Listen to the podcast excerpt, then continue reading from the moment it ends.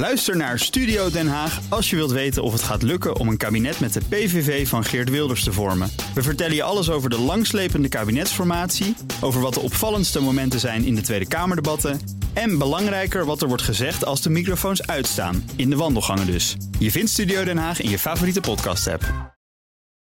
Blijf scherp. BNR Nieuwsradio. BNR breekt. Ivan Verrips.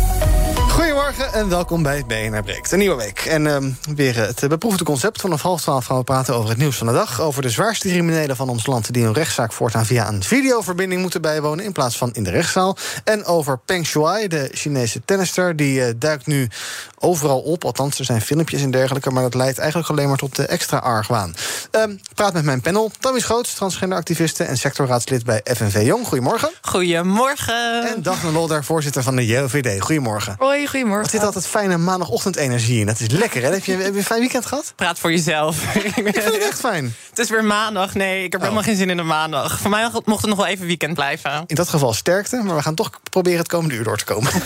BNR breekt. Breekijzer. We beginnen met ons breekijzer. Het heeft te maken met ja, de rellen in Rotterdam, de rellen in Leeuwarden, in Stijn, of all places. En nog veel meer plekken. Er werd flink gereld in Nederland. Eh, dit weekend, vrijdag, eh, zaterdag, zondag, maar ook in het buitenland ontaarden enkele demonstraties in vechtpartijen met de politie. Premier Rutte heeft zojuist gesproken over puur geweld onder het mom van demonstreren.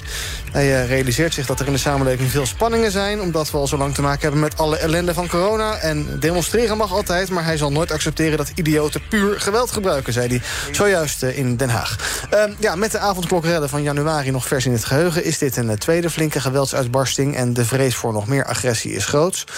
Experts buigen zich over de vraag wat we hier nou precies mee moeten... en wie de oplossing heeft, die mag het zeggen. Vandaar ons breekijzer vandaag. Het is goed voor te stellen dat coronafrustraties tot een kookpunt komen. Wat vind jij? Ehm, wil je reageren? Pak dan je telefoon en bel naar 020 468 4x0. 020 468 4x0. En wil je wel stemmen, maar niet bellen? Doe het dan via de stories van BNR Nieuwsradio op Instagram. Aan het einde van dit half uur krijg je een tussenstand eh, van me. Zometeen ga ik praten met mijn panel, kijken hoe zij erover denken. Ik begin eventjes bij Gerrit van der Kamp, de voorzitter van politievakbond ACB. Goedemorgen, Gerrit. Goedemorgen. Ons breekijzer vandaag dus. Het is goed voor te stellen dat coronafrustraties eh, tot een kookpunt komen. Eh, gelijk maar eventjes om het duidelijk te maken... daarmee willen we geen geweld eh, goed praten of iets dergelijks. Maar kan je je wel voorstellen dat dit mensen... Ja, het allemaal een beetje hoog in de bol schiet... wat we allemaal meemaken de afgelopen anderhalf jaar? Nou, ik denk dat er... de frustraties over veel meer gaat dan alleen corona. En dat dit alleen nog maar de katalysator is. En dat dit de escalatie alleen maar versneld heeft. Een groot deel van die onvrede was er allemaal al. En ehm, die zitten op heel veel terreinen. En dat is denk ik wat nu allemaal bij elkaar komt. Ja, welke en terreinen krijg zijn je het dus dan? dit. Welke terreinen zijn dat zoal? Nou ja, kijk, bijna ieder grote maatschappelijk debat eh, kent op dit moment een enorme spanning. Eh, kijk naar eh, de beschikbaarheid van woning voor jongeren, voor ouderen, eh, de kosten daarvan. Het feit dat beleggers daar schatje rijk van worden en mensen niet weten waar ze moeten wonen. Kijk naar de boeren die hun hele broodwinning weg zien lopen. Ondanks dat je prima kunt vinden dat er iets met milieu moet. Dan zitten zij te kijken naar soms generaties lang een bedrijf runnen. wat van de een op de andere dag volkomen onzeker is geworden. Eh, waar eh, het een naar het ander over wordt uitgerold. En zo kunnen we doorgaan. En dit alles opgeteld komt nu bij elkaar. Deze onvrede. Hè. Kijk ook naar de manier hoe de overheid vanuit de rechtsstaat. ehm, eh, nou ja, laat ik het maar zo zeggen, de burger meer lijkt dwars te zitten als dat ze ervoor is. Hè. Kijk Ja. naar de, de, de, de, toeslagenaffaire. Ja, dat gaat allemaal wel doorwerken en dat komt allemaal wel bij elkaar. En wat ik ook gezegd heb, is dat het raar is dat deze dingen allemaal apart worden gezien. En dat, is, dat heeft natuurlijk eh, uiteindelijk een cumulerend effect. Ja. Dat zien we hier wat ons betreft. En een tijdje loopt het emmertje dan over. Eh, als je nou even kijkt naar bijvoorbeeld die vrijdagavond. eh, meerdere in Rotterdam, meerdere mensen daar gewond door kogels. Meerdere agenten ook gewond. tientallen mensen aangehouden. Eh, wat, wat, is daar, wat is daar misgegaan? Alles. Hoe kan dat?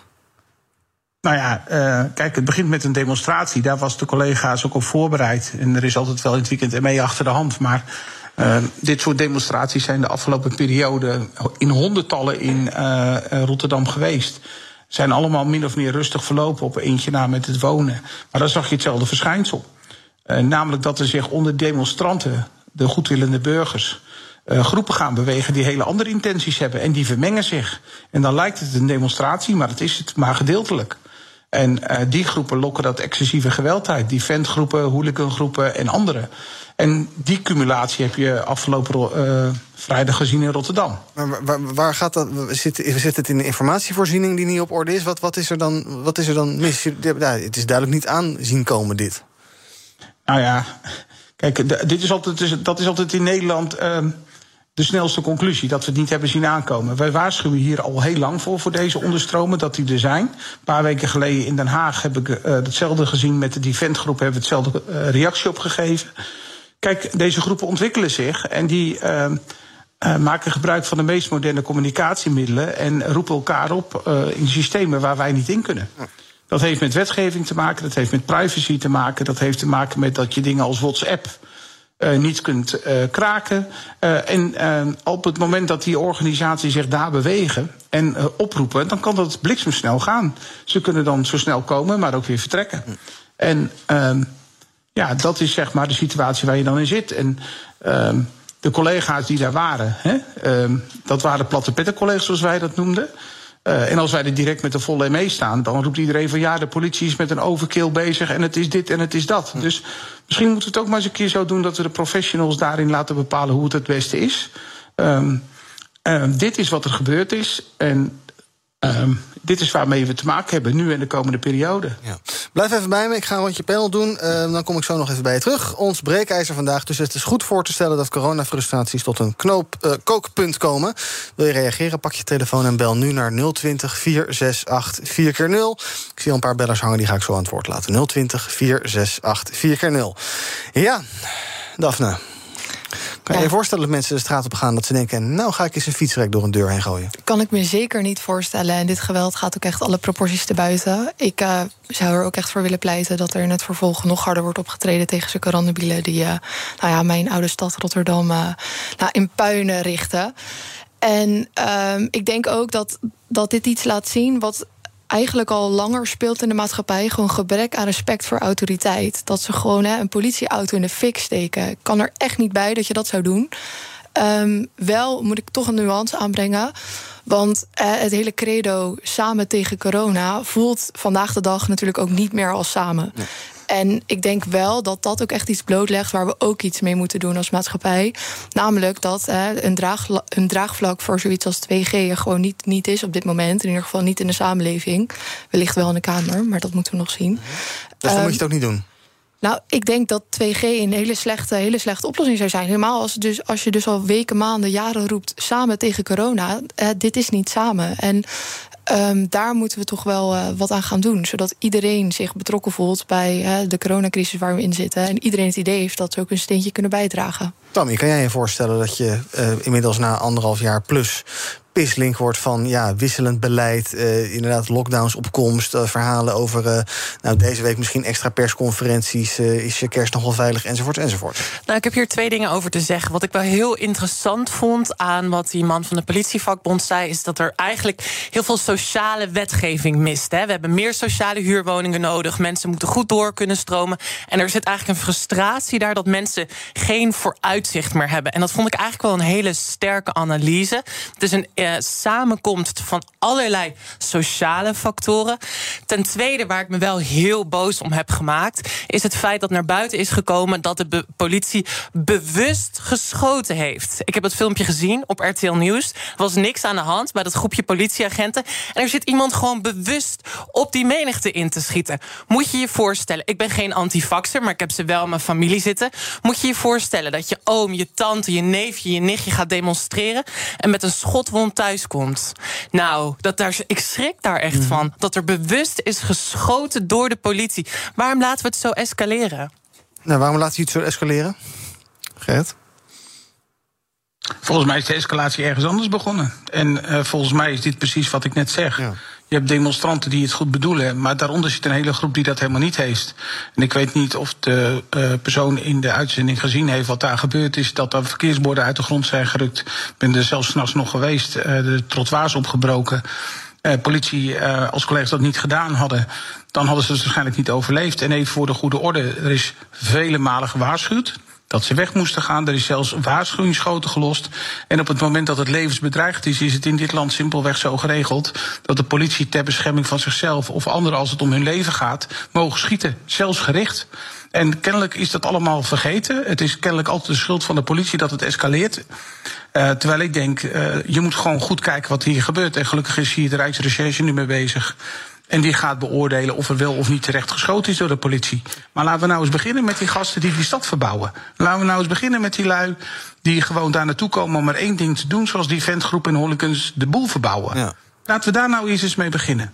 En uh, het is kennelijk heel makkelijk om op te komen tegen de politie als, als, als organisatie en politiemensen in het bijzonder.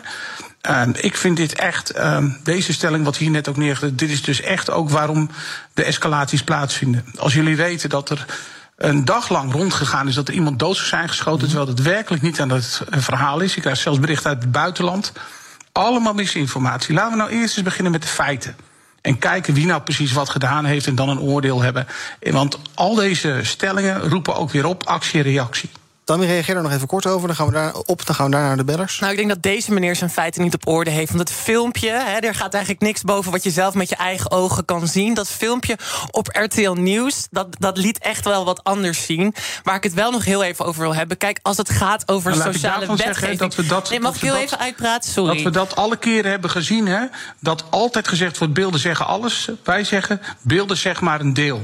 En de context in zijn totaliteit telt. Maar ik, dus ik ben graag, het absoluut niet met u eens. Ik wil Twee, twee zinnen, want ik verbindend eindigen. Uh-huh. Ik denk. Uh, als het gaat over sociale wetgeving, jongeren perspectief bieden, vindt u mij gewoon aan uw zijde. Dus ik denk inderdaad dat we daar moeten perspectief bieden voor jonge mensen, zodat ze niet meer, een, uh, niet meer de straat op gaan en daar hun energie kwijt raken. Paul, goedemorgen.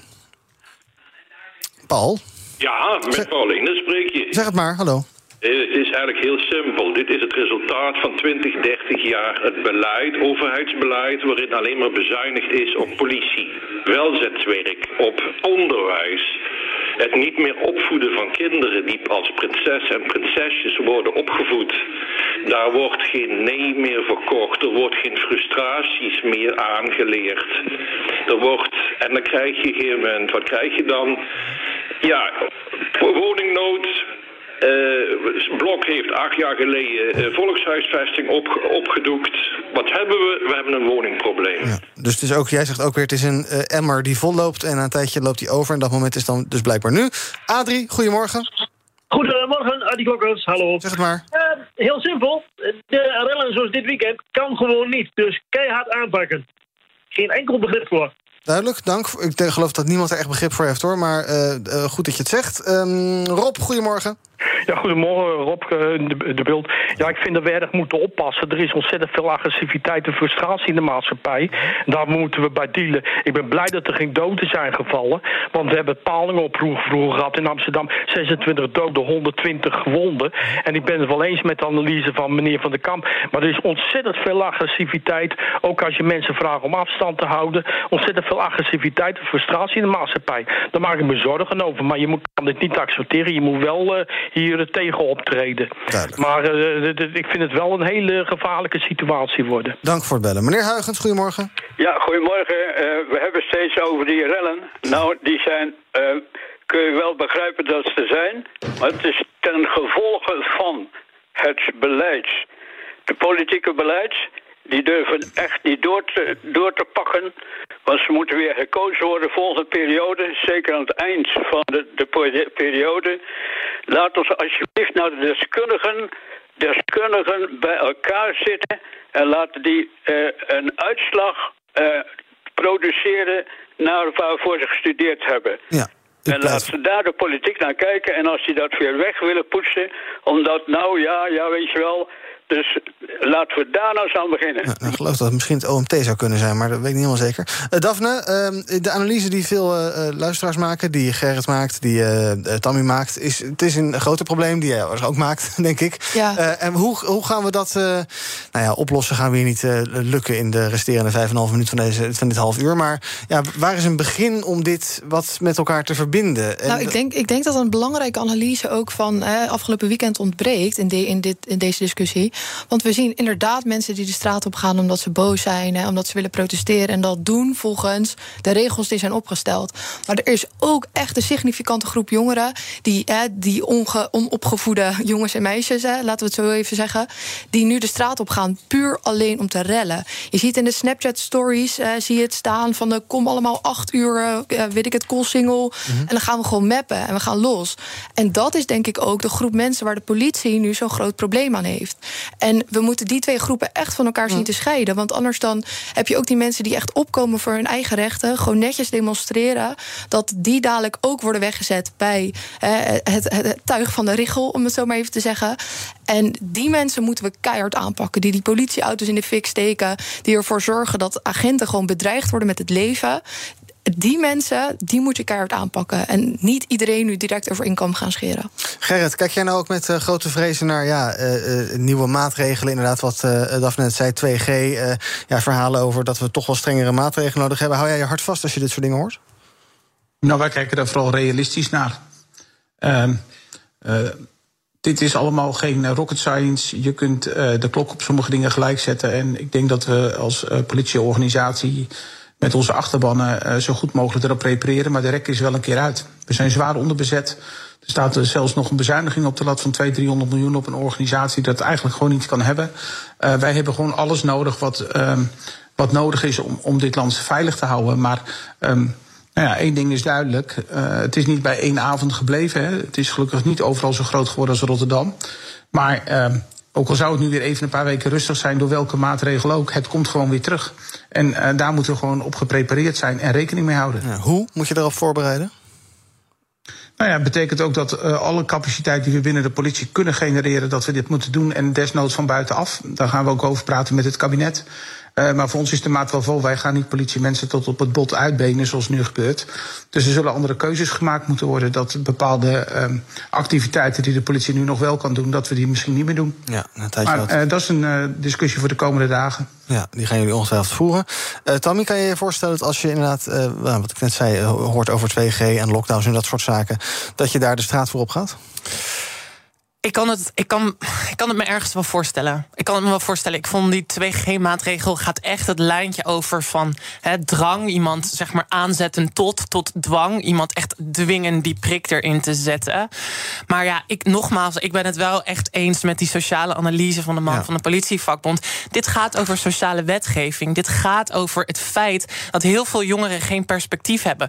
Want hoe haal je het in je hoofd om, uh, om, om, om borden eruit te trekken, om met stoelen te gooien, om, om ramen in te gooien. Dat komt omdat je niks meer te verliezen hebt. je hebt een leven eh, leven onderaan de maatschappij staat je mhm. te wachten. En dat komt gewoon omdat er zoveel wegbezuinigd wordt. Je moet je in de schulden steken om een papiertje te krijgen waar je geen baan mee kan vinden. Uh, je, je kan niet, als je in de uitkering gaat, je wordt 21, dan, uh, dan halveert bijna die hele bijstandsuitkering. Het is echt. Uh, het mag wel sociale. ja, het is echt schrijnend. Ja, ik denk dat, dat je ziet dat degenen die echt zodanig aan het rellen zijn, dat dat eerder jongeren zijn van, van 16, 17 jaar die eigenlijk gewoon nog zich helemaal niet in de schulden hoeven te steken om te studeren of die grote mensenproblematiek eigenlijk nog helemaal niet zien. Dat zijn gewoon ja, eigenlijk echt dat tuig van de richel wat je ziet. Die gewoon keurig naar een middelbare school kan gaan. Maar gewoon besluit om dat niet te doen. Om te gaan spijbelen. Om zichzelf hè, de kansen die ze krijgen in Nederland niet te grijpen. En vervolgens dan te zeggen van nou, hè, politie, dat, dat is mijn vijand. Dus ik ga daar tegen ageren. Hoe, hoe, worden mensen tuig? Word je als tuig geboren of word je tuig door omstandigheden en je opgegroeid? Tuurlijk, door omstandigheden. En ik, ik zie ook echt wel dat er natuurlijk in, in bepaalde wijken uh, grotere problemen heersen dan in, in wijken waar de sociaal-economische status hoger is van mensen. En tuurlijk moet je er wat aan doen. Maar dat is geen excuus voor echt het uit, uit proporties lopen van, van het geweld dat is gebruikt. Maar het gaat niet om excuses maken. Het gaat om de kern van het probleem aanpakken. En dat hoor ik de man van de politievakbond ook zeggen. Weet je, we kunnen iedere keer aan die bovenlaag gaan blijven praten. Oh, dit is tuig van de richel en slechte opvoeding. Maar dat is niet het probleem. Het probleem gaat erover wat drijft jongeren om een hele toekomst op het spel te zetten. Om daar te gaan protesteren. Dat is nogal een drempel die je over moet. Als je niet bang bent om met een strafblad daaruit te komen komen, heb je ook niks om op te geven. En ik vind het best wel heftig dat we meteen naar opvoeding en tuig gaan doen. Ik zeg, laten we naar de kern van het probleem kijken. En de kern van het probleem is dat jongeren geen vooruitzicht meer hebben in dit je land. moet twee kanten bekijken. De kern van het probleem, zeker, dat is belangrijk. Maar allereerst moeten ze gewoon weten dat dit soort gedrag niet acceptabel is. En hoe leer je dat? Dan maar door meteen de consequenties ervan te voelen. Dus straffen krijgen. En tuurlijk moet je het probleem ook in de kern aanpassen, eh, aanpakken. Maar dat zorgt er niet voor dat je nu het probleem direct oplost. Gerrit, tot slot. Ik hoorde je op de achtergrond. Ja, vertel. Ja, nee, kijk, ik denk dat beide gewoon waar is. Er zitten gasten bij die maar op één ding uit zijn, rellen schoppen. En die maken gewoon gebruik van de situatie. Dus laten we elkaar niet bestrijden op eh, het een wel en het ander niet. Het is beide aan de orde. En ik eh, wil ook maar zeggen dat veel jongeren zich überhaupt niet eh, realiseren. Zeker niet als ze in een groep dit soort dingen doen en elkaar eh, lopen op te juinen. Die denken helemaal niet na over dat strafblad. Ze weten niet eens dat dat het gevolg is. Dus er is ook een overschatting in dat mensen oorzaak en gevolg precies aan elkaar kunnen koppelen. Het is ook gewoon een groepsding. En het maakt ook niet uit eh, of het het een is of het het ander. Het is beide een groot probleem wat opgelost moet worden. Dank Gerrit van der Kamp, voorzitter van politievakbond ACP. En ik heb geleerd dat eh, ja, het dus niet allemaal corona is wat hier aan, aan, eh, ten grondslag ligt. Maar eh, dat het veel breder is dan dat. En dat het ook een bredere aanpak vraagt. Eh, nogmaals, dank. Zometeen praat ik verder met mijn twee panelleden. Ja, er gaat nu iedereen bellen. Mooi is dat, hè? Maar goed, ik ga een andere keer weer beantwoorden. Hang maar op er allemaal, want ik ga het dan niet meer opnemen. Volgende keer weer. Zometeen praten we verder met eh eh, panelleden over demissionair minister Dekker. Die wil criminelen aanpakken, maar wel op de Italiaanse manier. En we hebben het over mevrouw Peng uit China. Die houdt de gemoederen bezig. Eh, er is inmiddels een teken van leven van haar. Maar dat wekt niet heel veel vertrouwen op. En we hebben het over Black Friday. Welke koopjes hebben mijn gasten al gescoord? Nou, je hoort het allemaal zo meteen hoor in BNR Breekt. Ook Harm Edens vind je in de BNR-app. Je kunt BNR Duurzaam niet alleen live luisteren in de app, maar ook terugluisteren als podcast, zoals al onze podcasts. En naast dat de BNR-app Breaking News meldt, houden we je ook op de hoogte van het laatste zakelijke nieuws. Download nu de gratis BNR-app en blijf scherp. Blijf scherp. BNR Nieuwsradio. BNR breekt. Ivan Verrips. Jullie gaan er niet uitkomen, hè? De discussie van vorig half uur. Nee. Gaat niet gebeuren. Het hele nieuws. Oh, maar kwek, kwek, kwek. kwek. Nee, ja, het En Daphne heeft me overtuigd. Ik ga bij de JOVD. Die quote heb je vast binnen. Oh shit. Welkom terug bij BNR Breekt. Eh, in mijn panel, je hoort ze al, Tammy Schoot, transgenderactiviste... en eh, sectorraadslid bij FNV Jong. En Daphne Loller van de JOVD. We praten over het nieuws van de dag. Even niet over demonstraties en dergelijke. Nou, over iets anders waar jullie misschien vast ook wel iets afwijkends van vinden. Namelijk over ehm demissionair eh, minister Sander Dekker van Rechtsbescherming. Die wil dat de zwaarste criminelen in ons land... hun rechtszaak voortaan via een videoverbinding gaan bijwonen... in plaats van in de rechtszaal. Digitale zittingen voorkomen vluchtgevaar en contact met andere verdachten. En ook worden criminelen, zware criminelen, zo strakker van de buitenwereld afgesneden. om te voorkomen dat ze doorgaan met hun criminele praktijken. Dat vindt Dekker. Er komen ook uh, allerlei nieuwe instellingen bij, nieuwe EBI's. We hebben nu de EBI in Vught, de extra beveiligde inrichting. Nou, daar komen dus uh, nieuwe varianten bij in onder andere Lelystad, geloof ik. Um, gaat best wel wat veranderen dus voor deze zware criminelen.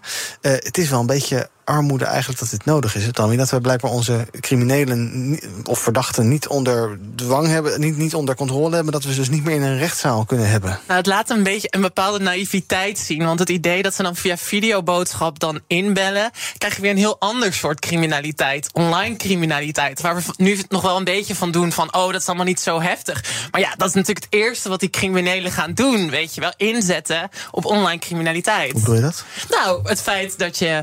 Uh, dat je, dat je uh, gaat, gaat inzitten in die, in die rechtszaak. Het feit dat je daar uh, dat je kan afluisteren wie daar getuigt. Mm -hmm. Weet je, dat, zijn, dat is hele belangrijke informatie. Hè? Als, de, als de getuige bijvoorbeeld anoniem wil blijven, als je dat online gaat doen, komt er weer een hele nieuwe scala aan.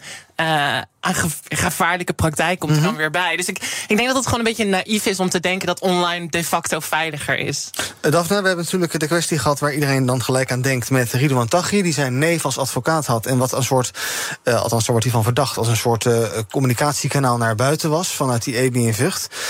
dat was natuurlijk misschien ook wel een beetje naïef, maar goed om hier op in te zetten.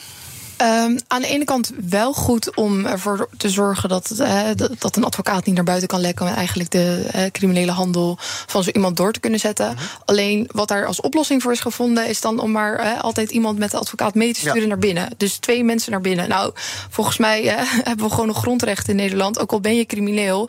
Dus ik denk niet dat dat een oplossing is om dat probleem tegen te gaan. Iemand zou gewoon in vertrouwelijkheid moeten kunnen spreken met zijn of haar advocaat. Um, dus deze oplossing voor dat probleem vind ik niet gepast. Nee, dus jullie denken ook dat dit eigenlijk niet zoveel gaat doen. Het is wel leuk dat we overal extra beveiligde dingen neer gaan zetten. Want de burgemeester van Vught die zei ook al van ja, dat gesleep met al die criminelen de hele tijd. Ik, ik ben daar geen voorstander van. Het geeft allemaal onveilige situaties. Ik wil het niet. Nou, dat kan ik me heel goed voorstellen. Dat geeft inderdaad onveilige situaties. Wat ik wel altijd grappig vind, oké, okay, we gaan meer EWI's erbij bouwen. Mm -hmm. Maar aan de andere kant, hè, dus wat Sander Dekker ook heeft gedaan, is bijvoorbeeld de toegang van mensen met een lager inkomen tot rechtshulp. Uh, daar minder geld in stoppen. Dus dan denk ik wel, ja, oké, okay, waar liggen je prioriteiten nou? Is dit gewoon om naar de buitenwereld voor te laten zien dat je hard tegen grote criminelen optreedt? Mm -hmm. uh, ik, ik heb, denk ik, ik denk een beetje van ja, waar liggen je prioriteiten dan? Hm. Ander nieuws van vandaag heeft te maken met uh, Peng Shuai. Dat is de uh, Chinese tennister die gisteren voor het eerst een teken van leven gaf. In een videogesprek met Thomas Bach, de voorzitter van de IOC, laat ze weten dat ze veilig en in orde is. En ze wil privacy en tijd met haar familie doorbrengen. En ook wil ze trouwens blijven tennissen. Het is een beetje een raar verhaal. Die mevrouw Shuai die is opeens ja, uh, van de aardbodem verdwenen nadat ze een oud vicepremier van China op Weibo had beschuldigd van seksueel misbruik. En opeens was mevrouw Peng verdwenen en alles van haar online ook. Nou, weten we Daphne dat China wat dat betreft niet een heel prettig land is. Als je daar iets zegt wat onwelgevallig is, dan kan je dus blijkbaar van de aardbodem verdwijnen. Uh, verdwijnen. Um, mevrouw Shuai, hoe moeten we hier als internationale gemeenschap op reageren uh, als dit soort dingen gebeuren? Ja, het is weer typisch China natuurlijk. En ik zou ook eigenlijk geen bal geloven van het verhaal dat, uh, dat zij heeft verkondigd. Dus nou, ontzettend leuk dat die Thomas Boeg heet Bach? Bach, Bach, Thomas Bach. Um, er het een en ander over heeft gezegd in een gesprek met haar. Maar ik denk dat we nog steeds bezorgd moeten, moeten zijn over, ja, de omstandigheden, over de omstandigheden van de sporters in, in China. En dat we als westerse wereld ook weer moeten kijken naar ja, wat willen we daarmee. En uh, kunnen we die mensen nog wel uh, veiligheid bieden als zij naar Spelen komen of andere internationale sportwedstrijden. Ja, even CBS Nieuws een stukje. China liet namelijk Peng ook zelf in het openbaar zien.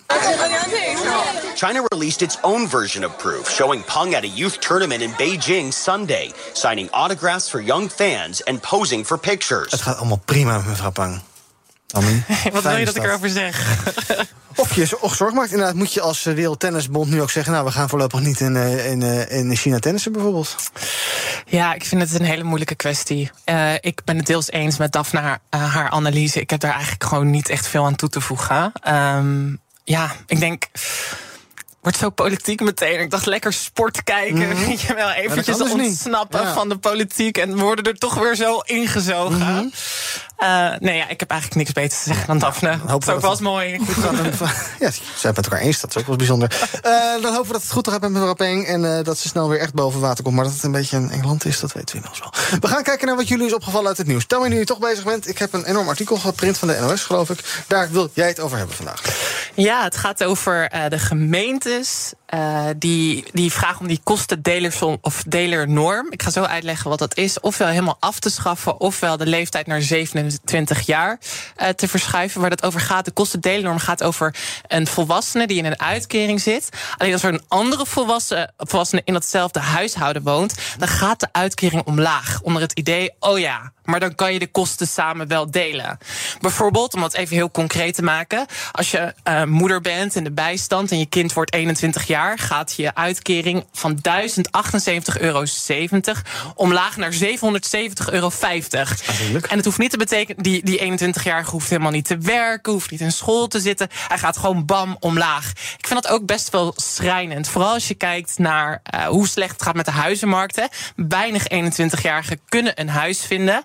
En wat je ook ziet, en wat dat artikel ook zegt, je ziet wel dat meer 21-jarigen dan het huis uitgaan bij die bijstandsmoeders. Maar dat er ook een stukje, uh, een groep mensen zit die dakloos worden. Want probeer maar eens van 770 euro rond te komen met een tiener van 21 jaar. Volgens mij is de gemiddelde huur in Nederland al iets van 550 euro. Ja. Nou ja, ik vind dat echt schrijnend. En ik vind echt dat die kostendelernorm afgeschaft moet worden. Want er zijn gewoon zoveel uitzonderingen op te maken. Maar je mag niet, of je moet maatwerk leveren volgens het kabinet. Mhm. En dat kost die gemeentes gewoon heel veel tijd en geld en energie. Dus die doen dat niet om die reden? Die- Nou, je moet wel keuzes gaan maken, want je hebt niet onuitputtelijke middelen. Mhm. Eh, dus ik vind, ja, ik vind, dit is gewoon weer een gevalletje. Oké, ik snap de logica er wel achter, weet je wel. En ik snap dat het mooi bedacht is in de bestuurskamer. Maar in de realiteit werkt het gewoon niet. Want als je een ouder die geen inkomen meer heeft, dat wordt ook in het artikel genoemd, eh, hebt, dan gaat je uitkering omlaag. Of als je een, een kind hebt, weet je wel, die misschien in de mentale problemen zit, die wordt dan het huis uitgeduwd. Eh, ja, die kostendelernorm die werkt gewoon niet in de Nee. realiteit. Ehm, terwijl je inderdaad in, in theorie zou denken... ja, als je met z'n twee inderdaad in een huis woont... dan hoef je niet twee huizen te betalen. Dus dat is goedkoper. Ja, in theorie zou dat kunnen, maar er wordt dus niet gekeken naar dat andere individu. Ja. Dus ik denk dat het wel belangrijk is om te kijken: oké, is de andere persoon waarmee je in een huishouden woont, eh, heeft hij een inkomen? Wat doet hij? Eh, want het kunnen ook mensen zijn die gewoon niet in staat zijn om te werken. Ja, dan krijg je hele schrijnende situaties. Ja. Nou is er zoiets gaande, geloof ik, als een formatie. Althans, je hoort er niet zoveel van, behalve dat het eh, wel eens wat zou kunnen worden. Eh, Daphne, is het goed om dit te gaan repareren daar? Ehm, ik geloof, ik heb het artikel ook gelezen, maar eh, vluchtig, dat het gaat om een, eh, op een minderheid hè, die echt heel erg last heeft van die kostendelersnorm. En ik denk dat, dat in die gevallen maatwerk juist heel gepast is. Maar dat we ook weer niet eh, alle regels die we hebben daardoor maar los moeten laten. en er, ervoor kunnen zorgen dat we kunnen gaan stapelen met uitkeringen. Ehm, omdat ik dat weer als onwenselijk zie. Want we hebben natuurlijk in het verleden ook juist weer hele hoge fraude gehad met, met die uitkeringen. Dus je moet ergens een beetje gaan balanceren tussen eh, wat, eh, wat juist is en wat humaan is. Omdat ik echt denk dat het tegen die grens aanschuift af en toe, het humane. Maar ook dat we niet eh, daardoor maar alle regels die we hebben afschaffen. En iedereen eh, ja, extra geld zouden geven waar het niet nodig is. Nee, geen gratis geld voor iedereen. Daar denk ik zijn veel mensen wel mee eens. Maar als mensen het huis uit moeten omdat ze vanwege een administratieve reden minder geld krijgen, dat lijkt me ook niet de bedoeling, toch? Nee, precies. Dus voor die mensen moet je ook inderdaad zoeken naar een gepaste oplossing. Want ik denk, wat Tammy zegt, dat dat klopt, dat dat heel erg onwenselijk is. Alleen om daardoor voor iedereen af te schaffen, vind ik eh, die hele kostendelersnorm daardoor af te schaffen, terwijl dat bij sommige mensen wel gewoon inderdaad terecht is, eh, vind ik daardoor eh, weer te ver gaan. Tammy tevreden? Nou, ik ben blij dat je inziet dat het eigen VVD-beleid soms wat inhumaan kan zijn. Maar ik denk ook dat je het artikel niet goed hebt, goed hebt gelezen. Want de gemeentes zeggen juist dat maatwerk hun boven het hoofd groeit. En dat ze niet voor iedereen meer maatwerk kunnen leveren. Dus ik ben wel voor algemene uitzonderingen. Weer niet eens. BNR breekt. Gaat niet lukken vandaag hoor. Ik maak me geen eh, illusies. Thomas van Zel. Ivan Verrips. Goedemorgen. Goedemorgen. Zometeen over 14 minuten is het 12 uur. Dan begint bijna zaken doen. Met wie ga jij praten vandaag en waarover? Onder andere met Freek van der Valk. Hij is de directeur van het Van der Valk Hotel in Ridderkerk. En treedt op als eh, woordvoerder van de familie. Dat concern zit op een bepaalde manier in elkaar met verschillende staken. Maar Freek van der Valk kan spreken namens verschillende Van der Valk hotels. En dan gaat het natuurlijk ook over hoe die hotels eh, de afgelopen periode hebben overleefd. Hoe ze er nu voor staan. Begin dit jaar waarschuwde hij nog voor hotels die zouden omvallen. Toen draaiden ze toch nog weer een paar lekkere maanden. Maar dat verdampt nu weer. Dus dat heeft ook invloed op hoe zij denken over hoe het steunpakket er dan in optima forma uit zou moeten zien.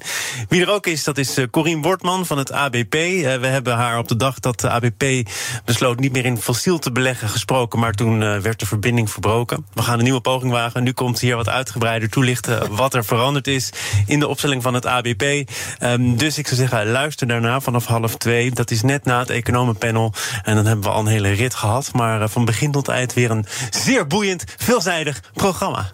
Bonuspunten als je in het gesprek met meneer Van der Valk het woord toe kan weten verwerken. Ik zou moeten kunnen lukken, toch? Ik ben heel benieuwd. We gaan Ik bedoel, er zijn gesprekken waarin het woord toe kan wat minder voor de hand ligt. Zeker. Kijk, als je me dat morgen zou vragen als ik het over Nou eh, ja, rederijen dan ga hebben. goh, hotels waar je met z'n allen naartoe kan, dan weet je Oh, zo. Ja, gewoon flauwe woordschapjes. Oké, nou. Nou, ik zie het eruit. Ook nog de inhoud trouwens, zo meteen het 12 uur.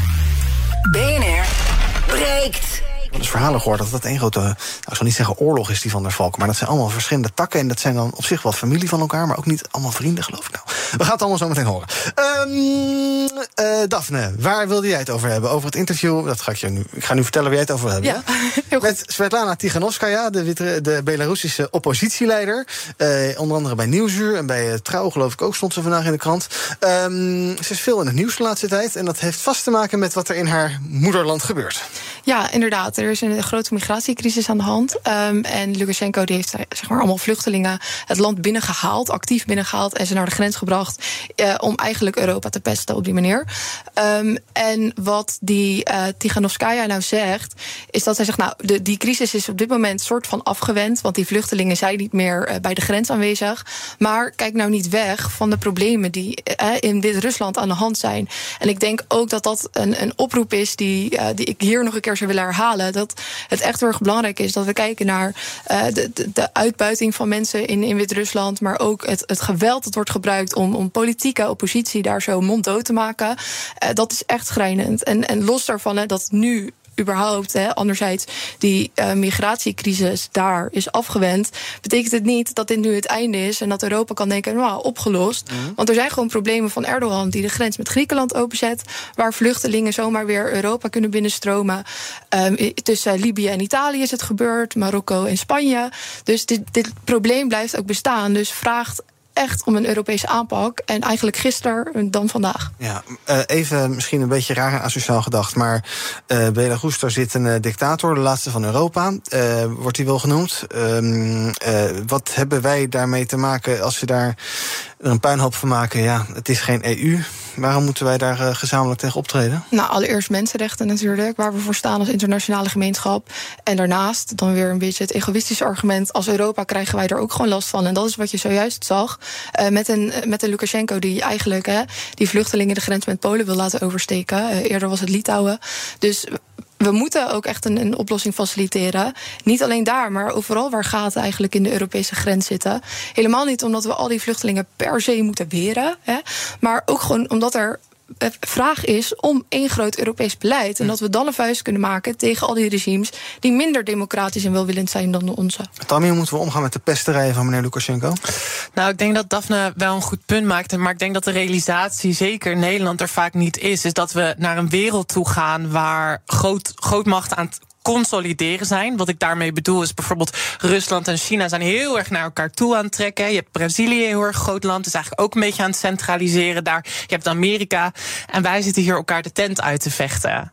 Uh, dus ik denk dat het heel goed is om je bondgenoten dicht bij je te gaan houden, om collectief naar oplossingen te gaan zoeken. Maar ja, het is natuurlijk wel moeilijk dat terwijl de wereld veel meer gaat over grootmachten, het niet zo is dat iedereen in Europa dezelfde waardes draagt. Hè? Dus zo'n dictator ja, wat moet je ermee? Eigenlijk, geopolitiek moet je wel samenwerken. Maar ideologisch is het natuurlijk best lastig om daar zo'n innige band mee aan te gaan. En dat zijn denk ik uh, politieke vraagstukken. Uh, waar, we, waar we een politiek antwoord op hebben. Daar is geen één goed antwoord op. Nee, maar meneer Lukashenko die past natuurlijk niet echt bij de, noor, bij de waarden die we in de EU met elkaar proberen te hebben. Waar ook landen die wel in de EU zitten zich ook niet altijd aan houden, maar oké.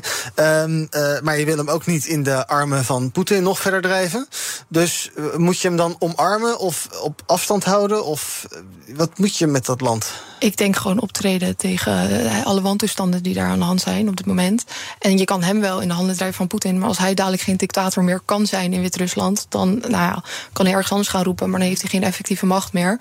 Dit is natuurlijk wel hè, een, een ideaal beeld dat ik hier probeer te schetsen. Maar um, ja, we moeten het in ieder geval als Europa één vuist maken. En dan niet inderdaad als de Poolse regering die wat zegt. Want ja, Lukashenko die lacht zich dood inderdaad. Ja. Gaat die mevrouw Tiganovskaya ooit nog aan de macht komen daar, denk je?